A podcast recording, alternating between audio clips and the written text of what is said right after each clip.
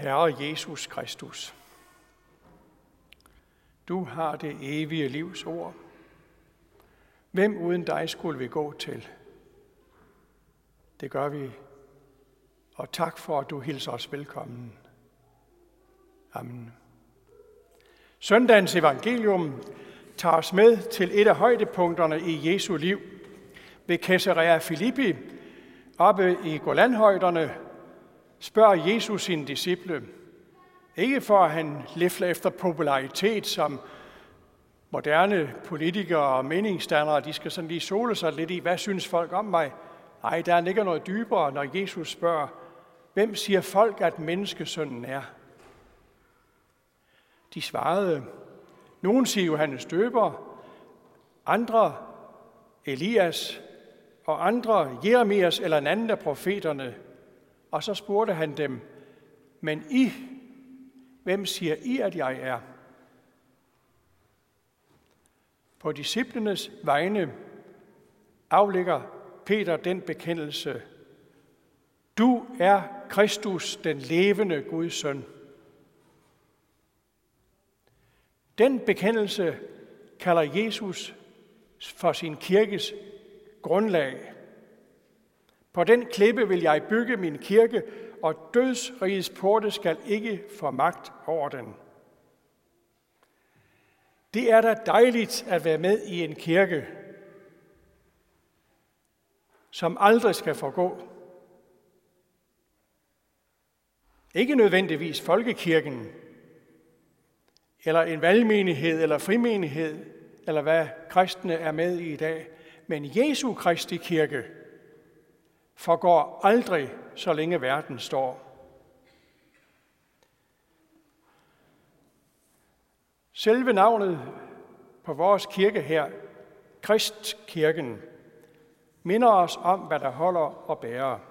Det er egentlig sket, at der er ikke ret mange kirker, der hedder Kristkirken. Der er en i Tønder, og så er der en i København, og så er der også en Jesuskirke i Valby, men ellers er det andre bibelske navne, hvis ikke det er geografiske navne, kirken har. Men Kristkirken, det er et fint navn. Men det skulle alle kirker jo selvfølgelig være. Troen på den levende Herre Jesus Kristus som hovedhjørnesten er vores et og alt. Peters formulering, du er den levende Guds søn, er en ultrakort trosbekendelse, som ingen kristen kirke i verden kan bestride, uden at miste retten til at kalde sig en kristen kirke. Hvis ikke Jesus er både den opstandende Kristus og et med faderen, er hans ord det rene bluff, og hans gerninger uden virkning og bærekraft for os. Men Jesus er den levende Guds søn. Den side ved Gud, vi kan begribe, som vi kan have et personligt forhold til. I bønden henvender os til med alle ting. Du er Kristus, den levende Guds søn. Den bekendelse er fælles i hele kristenheden.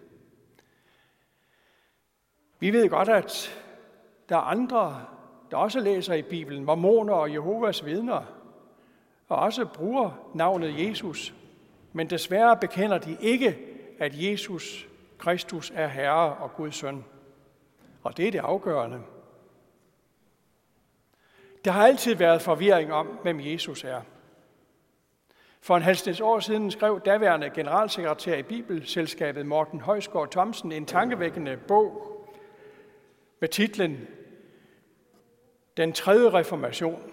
Og meningen er den, altså for tusind år siden gjorde Harald Blåtand sådan lidt løst sagt danskerne til kristne, og 500 år efter gjorde Martin Luther os til protestanter, og så 500 år efter nu i dag flyttes de religiøse hegnspæle igen. Folkekirken mister terræn, skriver Højsgaard. Folk sammensætter selv deres religion af tilfældige varer, de finder på religiøse supermarkedets hylder. Og så kalder han det for Google-buddhismen. Vi har plads til forskellighed. Det skal vi også have. Men der er et, vi ikke kan opgive. Troen på, at Jesus er den eneste ene. Vores fundament er ikke en lærer. Ikke de rigtige meninger og holdninger. Ikke en livsanskuelse. Vores fundament er en person, Jesus Kristus. I ham har Gud sat et trygt og urokkeligt fundament ved simpelthen at overtage ansvaret for os og vores sag, og selvmodsigende, som det lyder, vundet den fra sig selv. Guds søn Jesus Kristus er det kompromilløse fundament for enhver kristen, for Jesu Kristi kirke. Kristus og korset. Det er vores to nøgleord. Peter måtte tage imod en alvorlig rettesættelse, da han ville overtale Jesus til at gå udenom korset. Nej, Peter, den vej er ikke farbar. Netop fordi Jesus er den levende Guds søn, har hans død universel og forsonende kraft. Ingen kristen kirke uden korset. Nej, i Jesu Kristi kirke synger vi, O du Guds lam, med korsets skam, du bar alverdens sønder. Ja, jeg tror på korsets gåde. Korset, som tegnes for hver eneste en, der bliver døbt med den hellige dåb, som tegnes for os til sidst i gudstjenesten med velsignelsens ord.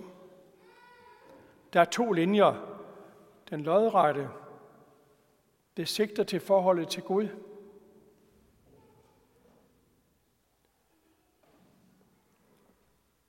Kristus alene er afgørende for vores forhold til Gud.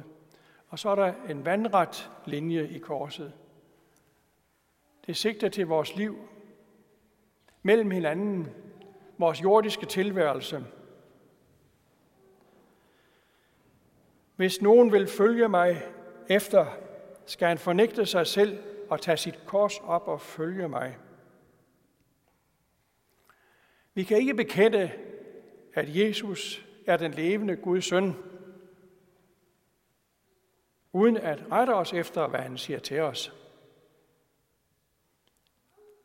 Man kan ikke sige til en, du er min chef, og så blæse på, hvad han siger. Eller øh, du er min læge, og så være ligeglad med hans anvisninger for behandlingen. Vi kalder Jesus Herre, den levende Guds søn. Jesus efterlyser ikke sympatisører, men efterfølgere. Kristne, der lever livet og møder tilværelsens udfordringer med blikket rettet mod den korsfæstede og opstandende, koste hvad det vil. En professionel musiker øver sig i timevis. En cykelrytter i Tour de France har trænet i lange og sure dage for at opnå sine resultater. Sådan er det at være en kristen. At leve i daglig følgeskab med Jesus, det er sådan, vi kommer til målet. Jesus skal afkald på at være i Guds skikkelse. Og det er det, han vil lære os. At samtidig skal vi give slip. At følge Jesus og tage sit kors op, betyder, at vi må være indstillet på at kunne miste, på at kunne få dårligt helbred, at gå glip af position og ære og forfremmelser, men at holde fast i den overbevisning, at Jesus til syvende og sidst har alt, hvad der er det afgørende. Han har livet, vi aldrig skal miste. Han har personligt betalt vederlaget for mit liv og givet mig privilegiet at må være Guds barn med alle de privilegier, der ligger i det. Kristus og korset fører til total omvurdering. Alt, også ledelsen og modgangen, virker sammen til gode for dem, som elsker Gud, siger apostlen Paulus et sted. Hvor ved han dog det fra?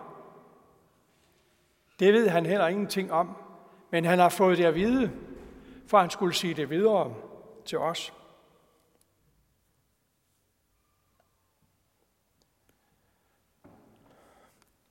Her slår mennesketanker ikke til.